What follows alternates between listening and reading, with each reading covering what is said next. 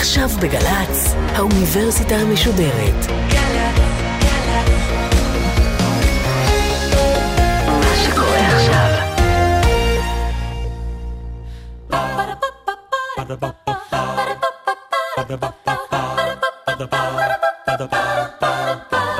האוניברסיטה המשודרת מציגה מסע סביב רעיון. והסמסטר, מציאות. והפעם, הפרופסור רפי מן מבית הספר לתקשורת באוניברסיטת אריאל על העיתונות, מתווכת המציאות. עורכת ראשית, מאיה גאייר.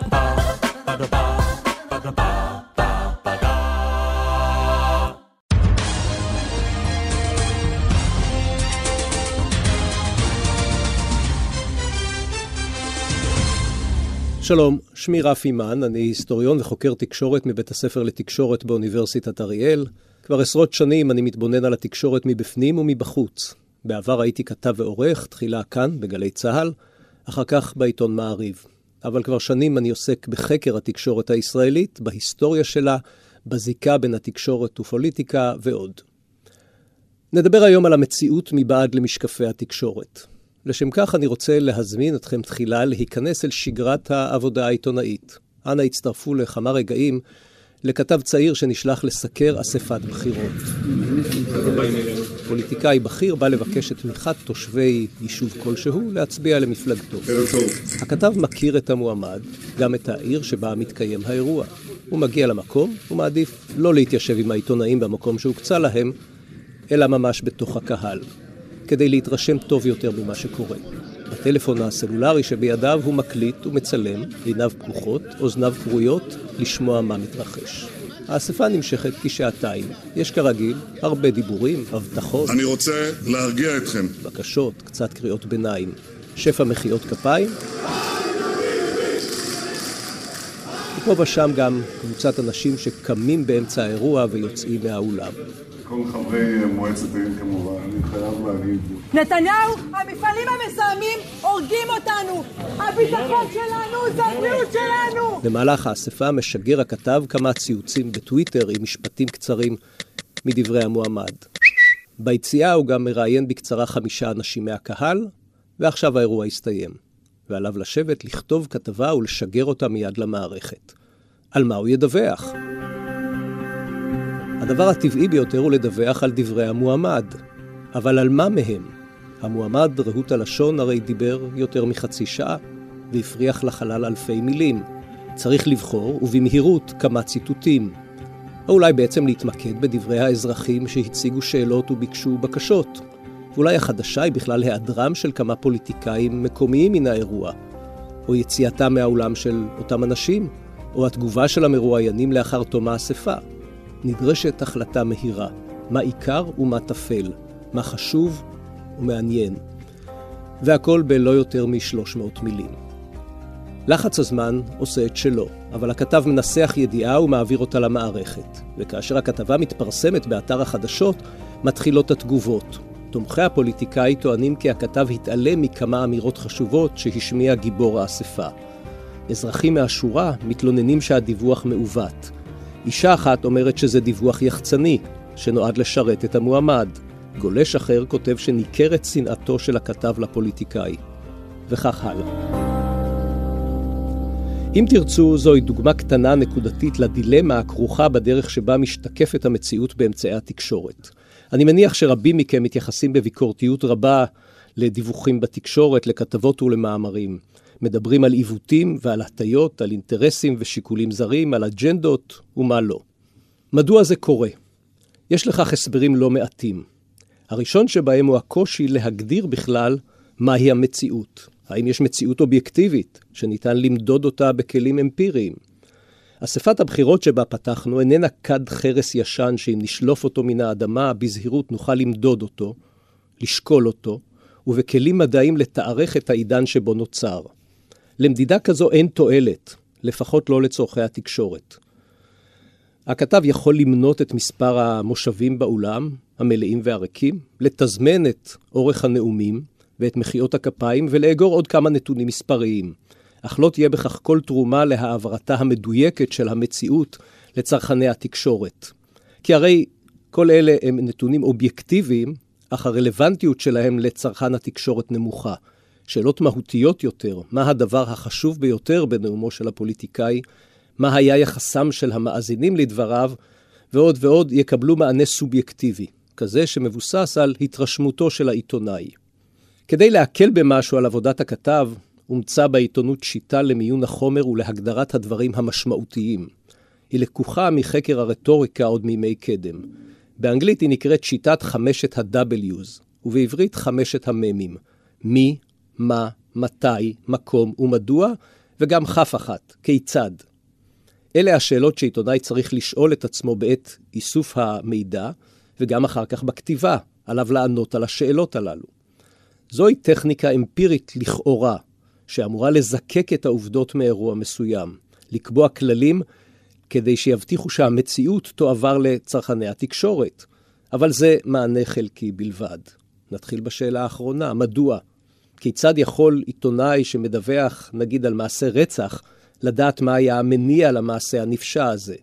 בתי המשפט עוד ידונו בשאלה הזאת ימים רבים, ולפעמים היא תישאר בלתי מפוענחת לנצח. אבל גם מענה לשאלות פשוטות יותר איננו ערובה לדיוק. כפי שראינו בסיקור אספת הבחירות, מיהו המי, מהו הנושא, מי הדמות העיקרית, המועמד, נואמים אחרים, אנשים שבקהל, כל בחירה כזו משנה את שיקוף המציאות. בהקשר זה ראוי לאמץ את קביעתו של פרופסור ירון אזרחי, שעל פיה העובדות לעולם אינן מדברות בעד עצמן. משמע, נדרש תהליך כלשהו של תיווך בין האירוע המסוכר לבין הציבור. והתיווך כמוהו כתרגום, כלשונו של המבקר וההוגה ג'ורג' סטיינר, כך הוא אמר, כרוך תמיד בשינוי צורה, ולעולם כנראה הוא איננו משביע רצון. אמצעי התקשורת הם המתווכים, וכמו כל מתווך הם אינם ניטרליים. במודע או שלא במודע הם עושים שימוש במה שמוגדר חבילת הפרשנות שלהם. וכך מגיע כל מסר לציבור לא כתמונת מראה מדויקת, אלא כייצוג מעובד. לא ייצוג מנותק לחלוטין מהמציאות, אבל לעולם לא מושלם. במונחי חקר התקשורת מכונה התהליך הזה ההבניה החברתית של המציאות. ההבניה הזאת מתבצעת במודע או שלא במודע, על ידי בני האדם והמוסדות המעצבים את המוצר התקשורתי, המשפיעים באופן מודע או בלתי מודע על הדרך שבה מוצגים אירועים שונים לציבור.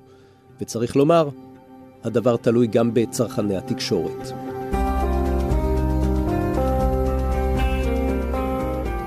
ההסבר הראשון לאותו פער תיווך בין האירוע לבין השתקפותו לציבור קשור לעצם מהותה של התקשורת. זו שאיננה רוצה ובעצם גם איננה יכולה לדווח על הכל, על כל פרט, על כל אירוע והתרחשות. היא בוחרת רק דברים מסוימים ומתעלמת מאחרים. הנה כך תיאר זאת בשנת 1951 ראש הממשלה דוד בן גוריון. זה טבע העיתונות, עסקה הוא הרגע, היוצא דופן, הצעקני, המסעיר, המגרה, בקיצור, השערורייה. לעומת זאת, אמר בן גוריון, אונייה שמפליגה כסדרה. מתיישבים שמרחיבים את עבודת האדמה, מורים המלמדים תורה לתינוקות, כל אלה אירועים המתחוללים מדי יום, אך בעיני העיתונות אינם בגדר נושאים הראויים לסיקור. עד כאן הבחנתו של בן גוריון. צריך לומר שהעיתונות איננה עוסקת רק בשערוריות, אבל יתר המאפיינים שהציג מדויקים למדי. או בלשונו של אחד מחלוצי חקר התקשורת, וולטר ליפמן, אשר כתב עוד בשנות ה-20 של המאה הקודמת, כי החדשות אינן מראה של התנאים החברתיים, אלא דיווח על היבט מסוים שחרג והתבלט. משמע, לא השגרה, אלא מה שחורג ממנה. בואו ננסה להבין לרגע מהם הקריטריונים שהופכים אירוע לידיעה, שקובעים מה ממכלול האירועים שאותם הגדרנו המציאות, יגיע לידיעת הציבור. ספר לימוד אמריקאי בעיתונות מאמצע המאה הקודמת הציג כך את רשימת המרכיבים שהופכים אירוע לידיעה. ראשית, המיידיות, שהרי חדשות הן חדשות, חשוב שיהיו טריות, מדווחים על מה שקורה עכשיו. הן עוסקות בעניינים שיש בהם קרבה פיזית או תרבותית לקהל הקוראים. זו אגב אחת הסיבות שעיתונות העולם מרבה לעסוק שוב ושוב בסכסוך בין ישראל לערבים. כי שמות כמו ירושלים, בית לחם ואתרים נוספים כאן מוכרים היטב לפחות לשני מיליארד נוצרים ברחבי העולם. קריטריון נוסף, מידת ההשפעה של האירועים על חייהם של הקוראים. זאת ועוד, התקשורת מעדיפה בדרך כלל לדווח על מוסדות או אנשים מוכרים, ככל שאתה מוכר יותר, יש סיכוי גדול יותר שיכתבו עליך. זו הרי ליבת תופעת הסלבריטיז. אנשים שכותבים עליהם בגלל שהם מפורסמים. אפשר לנשום לרווחה, עוד חיים ראשון מקים קרדשיאן באינסטגרם. ויש גם, כבר אמרנו, העדפה לחריג, כמאמר הקלישאה. כלב שנשך אדם איננו חדשה. אדם שנשך כלב זה סיפור. We are getting a brand new look at the latest crime from one of San Diego's oldest and most experienced thieves, the notorious 84 year old jewel thief Doris Payne. עימותים. התקשורת אוהבת דרמות. ועימות הוא דרמה שהופכת את הסיפור למעניין יותר. דיון ענייני ללא עימות בישיבה כלשהי בדרך כלל איננו שווה ידיעה. פולמוס חריף וסוער התקיים היום במליאת הכנסת סביב המשט לעזה. חברי הכנסת קיללו וגידפו וירדו לפסים אישיים, כמה מהם הורחקו מהדיון, מהומה שפרצה ושכמותה לא נראתה. גם אירועים העוסקים במין או במגדר זוכים לקידום. נהגת שודים, למשל, תקבל חשיפה גדולה בהרבה מסתם עבריין על ההגה. פרשיית מין אה, חדשה, חשד על יחסים בין תלמיד למורה בישיבה תיכונית. וגם רגשות. רגשות טובות לחדשות. הן מתחברות היטב לקהל הקוראים. שלום רב לכם, בוקר טוב. תחילתו של יום שבמהלכו אנחנו אמורים לראות את גלעד שליט חוזר הביתה, חוזר למשפחתו אחרי 1941 ימים בשבי, בין פחות מ-20. ויש גם עניין בעל אופי שונה, דווקא חיובי. התקשורת אוהבת לדווח על קדמה והתפתחות. לא רק על אייפון חדש, אלא גם על התקדמות בחקר החלל, בפיתוח תרופות לסרטן ועוד. מציאת חיים על מאדים נראית מציאותית מתמיד. במסיבת עיתונאים חגיגית הודיע נאס"א שעל כוכב הלכת האדום נמצאו מים זורמים. וכעת נשאלת השאלה, מה הסיכוי למצוא שם גם חיים? גם מחקרים מאוחרים יותר מצביעים בבירור על קריטריונים דומים, ומוסיפים עוד פריטים לרשימה. אחד הבולטים בהם, אירועים שליליים זוכים ליתר חשיפה מאשר התרחשויות חיוביות. איך אומרים באנגלית? Good news is no news. ולפעמים המדיום עצמו אחראי לסדר העדיפויות. המדיום הוא המסר, כפי שאמר מרשל מקלואן, הטלוויזיה חייבת חומר ויזואלי חי ודרמטי. אין די במידע מילולי. מה שניתן להצגה באמצעות uh, צילומי וידאו יוזנק קדימה, לעיתים קרובות ללא קשר לחשיבותו הציבורית, שהרי לטלוויזיה אין יכולת לעכל טקסטים ארוכים ומורכבים. עיתונים פופולריים, אלה המכונים לעיתים צהובונים, ידגישו תמיד את הסיפור האישי, האנושי, על פני נושאים עקרוניים. המעניין בכל הרשימות האלה איננו רק במה שנמצא בהן, אלא במה שאיננו. עיוות המציאות מתבטא בכך, כלשונו של בן גוריון, באותו מכלול גדול מאוד של נושאים חשובים, משמעותיים, שאינם מצליחים לחדור מבעד לדלת הכניסה של התקשורת. נושאים רציניים, כמו חינוך למשל, זוכים לא פעם לחשיפה, בעיקר בעיתונים פופולריים או בטלוויזיה, רק כאשר צצה איזו שערורייה או דרמה אנושית הנוגעת בתלמיד או במורה. מעבר לכך, יש עוד אה, גורמים וסיבות לדרך שבה מיוצגים נושאים ואירועים בתקשורת. האחת היא הסביבה החברתית והתרבותית שבה פועלים העיתונאים ואמצעי התקשורת. הרקע האישי של הכתבים והעורכים, החינוך שקיבלו, תפיסת עולמם. הערכים של הקבוצה החברתית שבה הם חיים ופועלים, וגם רוח התקופה והמקום, כל אלה משפיעים על הדיווח. כך למשל, עיתונאית שגדלה וחונכה בתל אביב, והיא גם חיה ועובדת בכרך הגדול, תראה באופן טבעי את המציאות מבעד לעיניים תל אביביות. ומבטה על כל אירוע ונושא לא יהיה זהה לזה של מי שגדלה בבית שאן או התחנכה באולפנה בעופרה. גורם משמעותי נוסף הוא השיקול העסקי של ארגון התקשורת, והדרך שבה הבעלים והאורחים מבקשים להבטיח תפוצה או חשיפה גבוהה, להתאים את התכנים לקהלי היעד הרלוונטיים, להגדיל את ההכנסות וגם לזכות ביוקרה. המאמץ להגדיל את הרייטינג על ידי הרחבת קהלי היעד מחייב כמובן לקדם סיפורים מעניינים, לאו דווקא חשובים.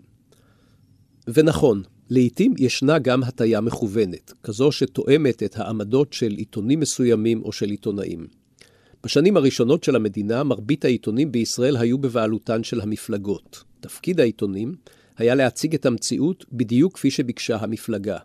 כאשר היה מתפרסם למשל תקציב המדינה, עיתוני מפלגות הקואליציה הפליאו בדרך כלל בשבחיו.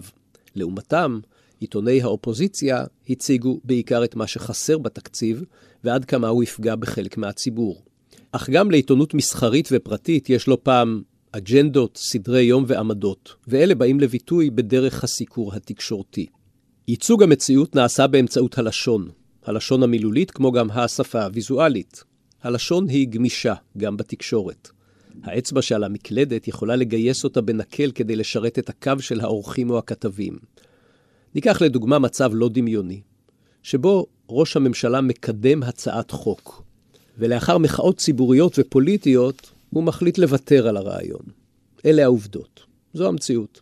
אבל הייצוג העיתונאי של המהלך הזה יכול ללבוש לפחות שתי צורות. מי שאוהד את ראש הממשלה יכתוב ברוח חיובית, כי הוא נענה לפניות הציבור, משמע הוא איש רגיש הקשוב לאזרחים. זו הגרסה החיובית. אבל אפשר גם לתאר את זה בצורה אחרת לחלוטין, לכתוב כי ראש הממשלה נכנע ללחצים והתקפל. וכל צד, אגב, יטען כי הוא מתאר את המציאות במדויק. וישנה גם שפת התצלומים. יש מי שרואים בטעות את הצילום כייצוג אובייקטיבי כביכול. אין טעות גדולה מזו. אורי אבנרי, בימי העולם הזה, בשנות ה-50 וה-60, הטמיע בצלמים ובעורכי הצילומים את הדרכים והשיטות לשקף את המציאות הרצויה באמצעות התמונה.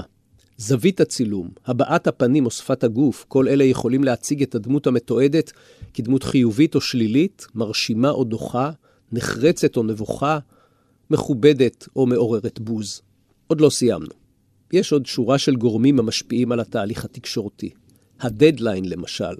היכולת לייצג בצורה טובה את המציאות נפגמת לא פעם בשל לחץ הזמנים של ארגוני התקשורת.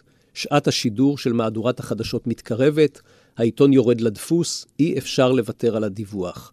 אין זמן לאסוף עוד פרטים, או במילים אחרות, ההחלטות על עצם הסיקור ותכניו מתקבלות כמעט תמיד בתנאים לא אופטימליים, אלא באווירה לחוצה, אפופת חוסר ודאות. הדדליין היה קיים תמיד, גם בעידן העיתונות הישנה. אבל בעידן הדיגיטלי הבעיה מחריפה. פתיתי מידע, לעתים אפילו בלתי בדוקים, אשר מופצים ברשת, יוצרים אצל צרכני התקשורת תמונת מציאות ראשונית, שגם אם יתברר אחר כך שהיא איננה מדויקת, היא כבר התקבעה. הלחץ לעמוד בזמנים, ולא פחות מכך, לא לפגר אחרי המתחרים שלך, משבש לא פעם את המאמץ לדייק בעובדות. כל ארגון תקשורת נאלץ עתה להתמודד לא רק עם מתחרים ממוסדים, אלא גם עם אזרחים מהשורה המספקים מידע ברשתות החברתיות. המציאות התקשורתית נעשתה מסובכת יותר לא רק בגלל האינטרנט. ההכרה בחשיבותה של התקשורת ובהשפעותיה על כל תחומי החיים הביאה להתפתחות של תעשייה משגשגת של אנשי יחסי ציבור, ספין דוקטורס ומומחים לניהול משברים. באמצעות היכרותם עם התהליכים ועם השיקולים השונים של אמצעי התקשורת, הם פועלים במרץ להשפיע על ייצוגי המציאות. רבים מהם, אגב, הם עיתונאים לשעבר, שמצאו פרנסה טובה יותר בתחום הזה מאשר בעיסוקם הקודם. הספין, הסבסוב בעברית, היה למרכיב מרכזי בשרשרת המזון של התקשורת. מדינאים, פוליטיקאים, בעלי הון וגורמים נוספים משתמשים בזה באופן קבוע. הספין הוא הצגת העובדות באופן שיקדם וישרת את האינטרסים של המוסר אותם. זה נראה כאילו בכל בוקר קם נתניהו וממציא ספין חדש, העיקר שלא נתעסק בדברים האמיתיים. במקום לבוא ולתת דין וחשבון על המעשים שלו כראש ממשלה. הספין מתבצע לא פעם בשעה הקריטית שבה נדרשים כתבים ופרשנים לעכל את האירוע, לדווח עליו ולפרש אותו. הספין, המכוון בדיוק לשעה הזו, עשוי להשפיע על התכנים, וכך לעוות את הרושם הראשון של תמונת המציאות ולהטות אותה לכיוון הרצוי למי ששיגר את הספין. והעיתונאי, חשדני ככל שיהיה, איננו יכול להיות חסין מפני השפעות הספינים. הוא זקוק למידע ובדחיפות. כוחם של היחצנים ומומחי הספין בעיצוב ייצוגי המציאות מתעצם בשנים האחרונות, גם מסיבה נוספת, המשבר הכלכלי החמור שעובר על עולם התקשורת. בעולם הדיגיטלי יש ברכה רבה במגוון של תחומים כמובן, כולל בהפצת מידע. אבל האינטרנט פגע בצורה חמורה, יש הטוענים אפילו אנושה, בתשתית הכלכלית של ארגוני התקשורת. הפרסומות, המודעות, אלה שהיוו את מקור ההכנסה העיקרי של עיתונים, עברו ועוברות בהיקף משמעותי לרשת, ולאו דווקא לאתרים של אותם אמצעי תקשורת. כפי שאמר לאחרונה בכיר בניו יורק טיימס, המודל של העיתונות הישנה היה בניית קהל וסבסוד התוכן עבורו באמצעות הפרסום. זה לא עובר טוב לרשת. ואנחנו, אמר אותו איש ניו יורק טיימס, אנחנו כמו אנקורים, המלקטים פירורים שנופלים מהשולחן של פייסבוק וגוגל. במציאות הזו נפגעת האיכות העיתונאית במרבית אמצעי התקשורת. יש ירידה במספר הכתבים והעורכים, והם פחות מנוסים, שכן עיתונאים ותיקים הולכים הביתה ומוחלפים על ידי צעירים בשכר נמוך יותר עם ניסיון קצר יותר.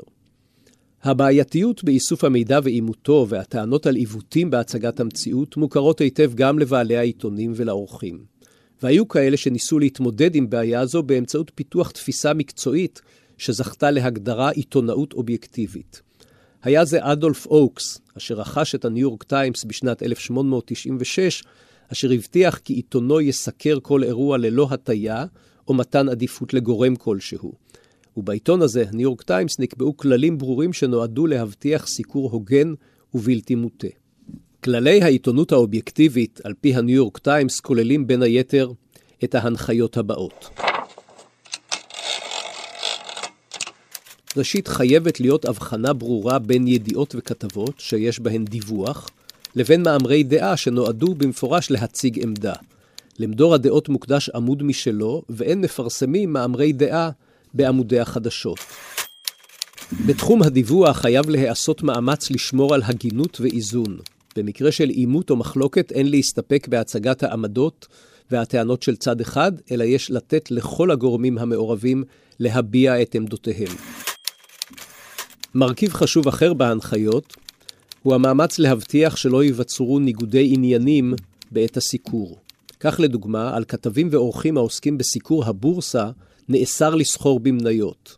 זאת ועוד, העיתון גם מבקש מקוראיו להתריע על כל שגיאה שמצאו בעיתון כדי שניתן יהיה לתקנה.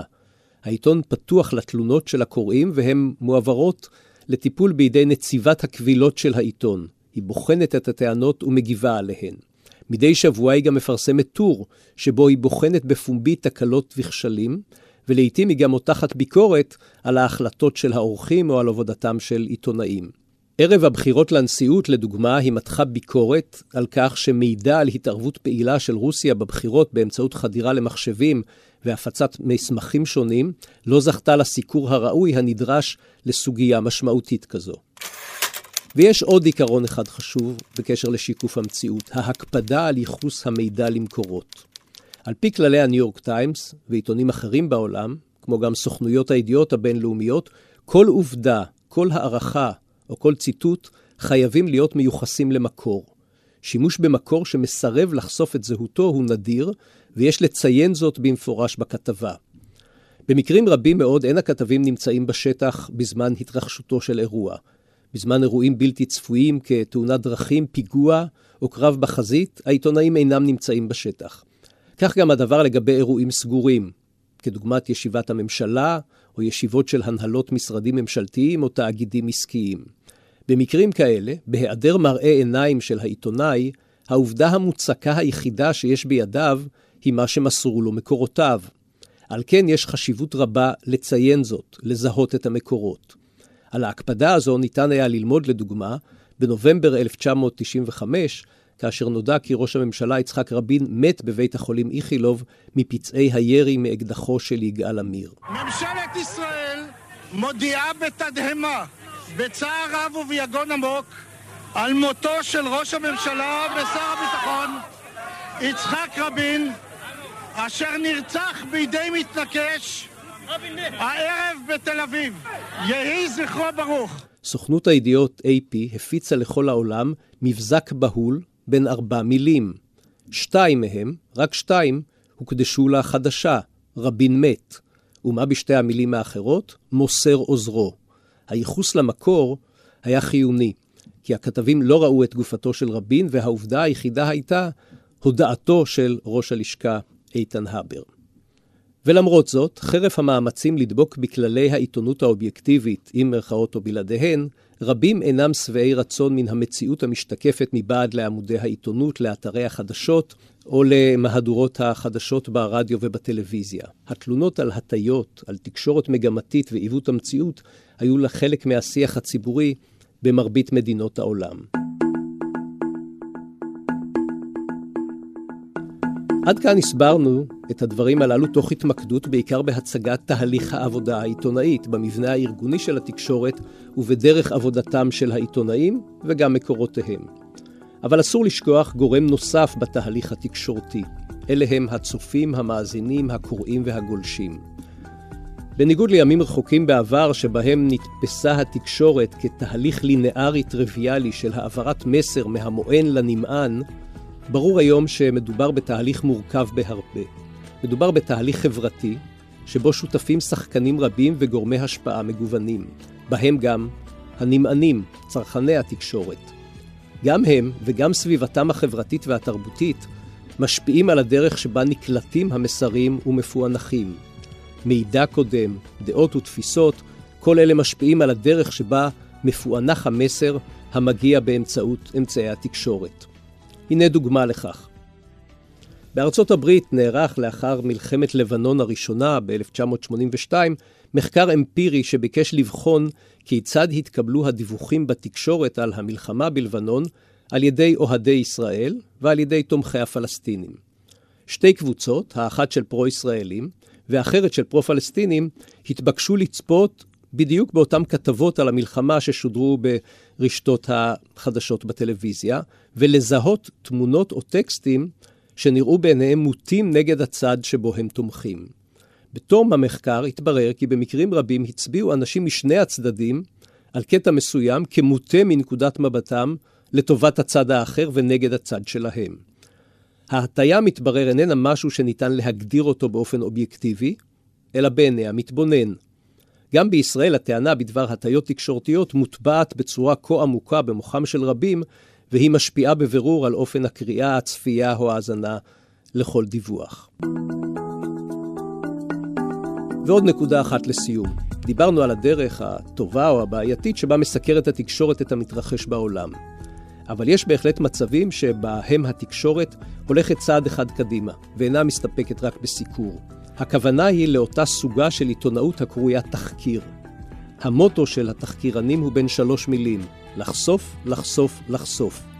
משמע להטיל אור על כל מה שגורמים רבי עוצמה, בגופים שלטוניים או בעולם העסקי, מבקשים להסתיר מעיני הציבור, משום שמדובר במעשים בלתי ראויים ובלתי חוקיים. התחקיר הוא אתגר קשה וסבוך, לפעמים הוא גם כרוך בסכנות. בעולם היו מקרים שתחקירנים שילמו בחייהם כאשר ניסו לחשוף שחיתויות.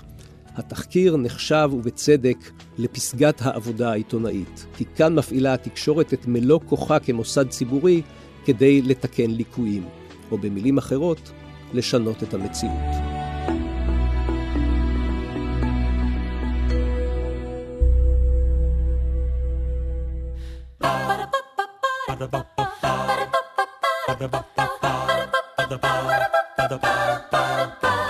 האוניברסיטה המשודרת, מסע סביב רעיון. הפרופסור רפי מן מבית הספר לתקשורת באוניברסיטת אריאל על העיתונות, מתווכת המציאות. עורכת ראשית, מאיה גאייר. עורכת ומפיקה, אחינועם קפון. מפיקה ראשית, אביגיל קוש. מנהלת תוכן, מאיה להט קרמן. עורך דיגיטלי, עירד עצמון שמייר. האוניברסיטה המשודרת, בכל זמן שתרצו, באתר וביישומון של גל"צ, וגם בדף הפייסבוק של האוניברסיטה המשודרת.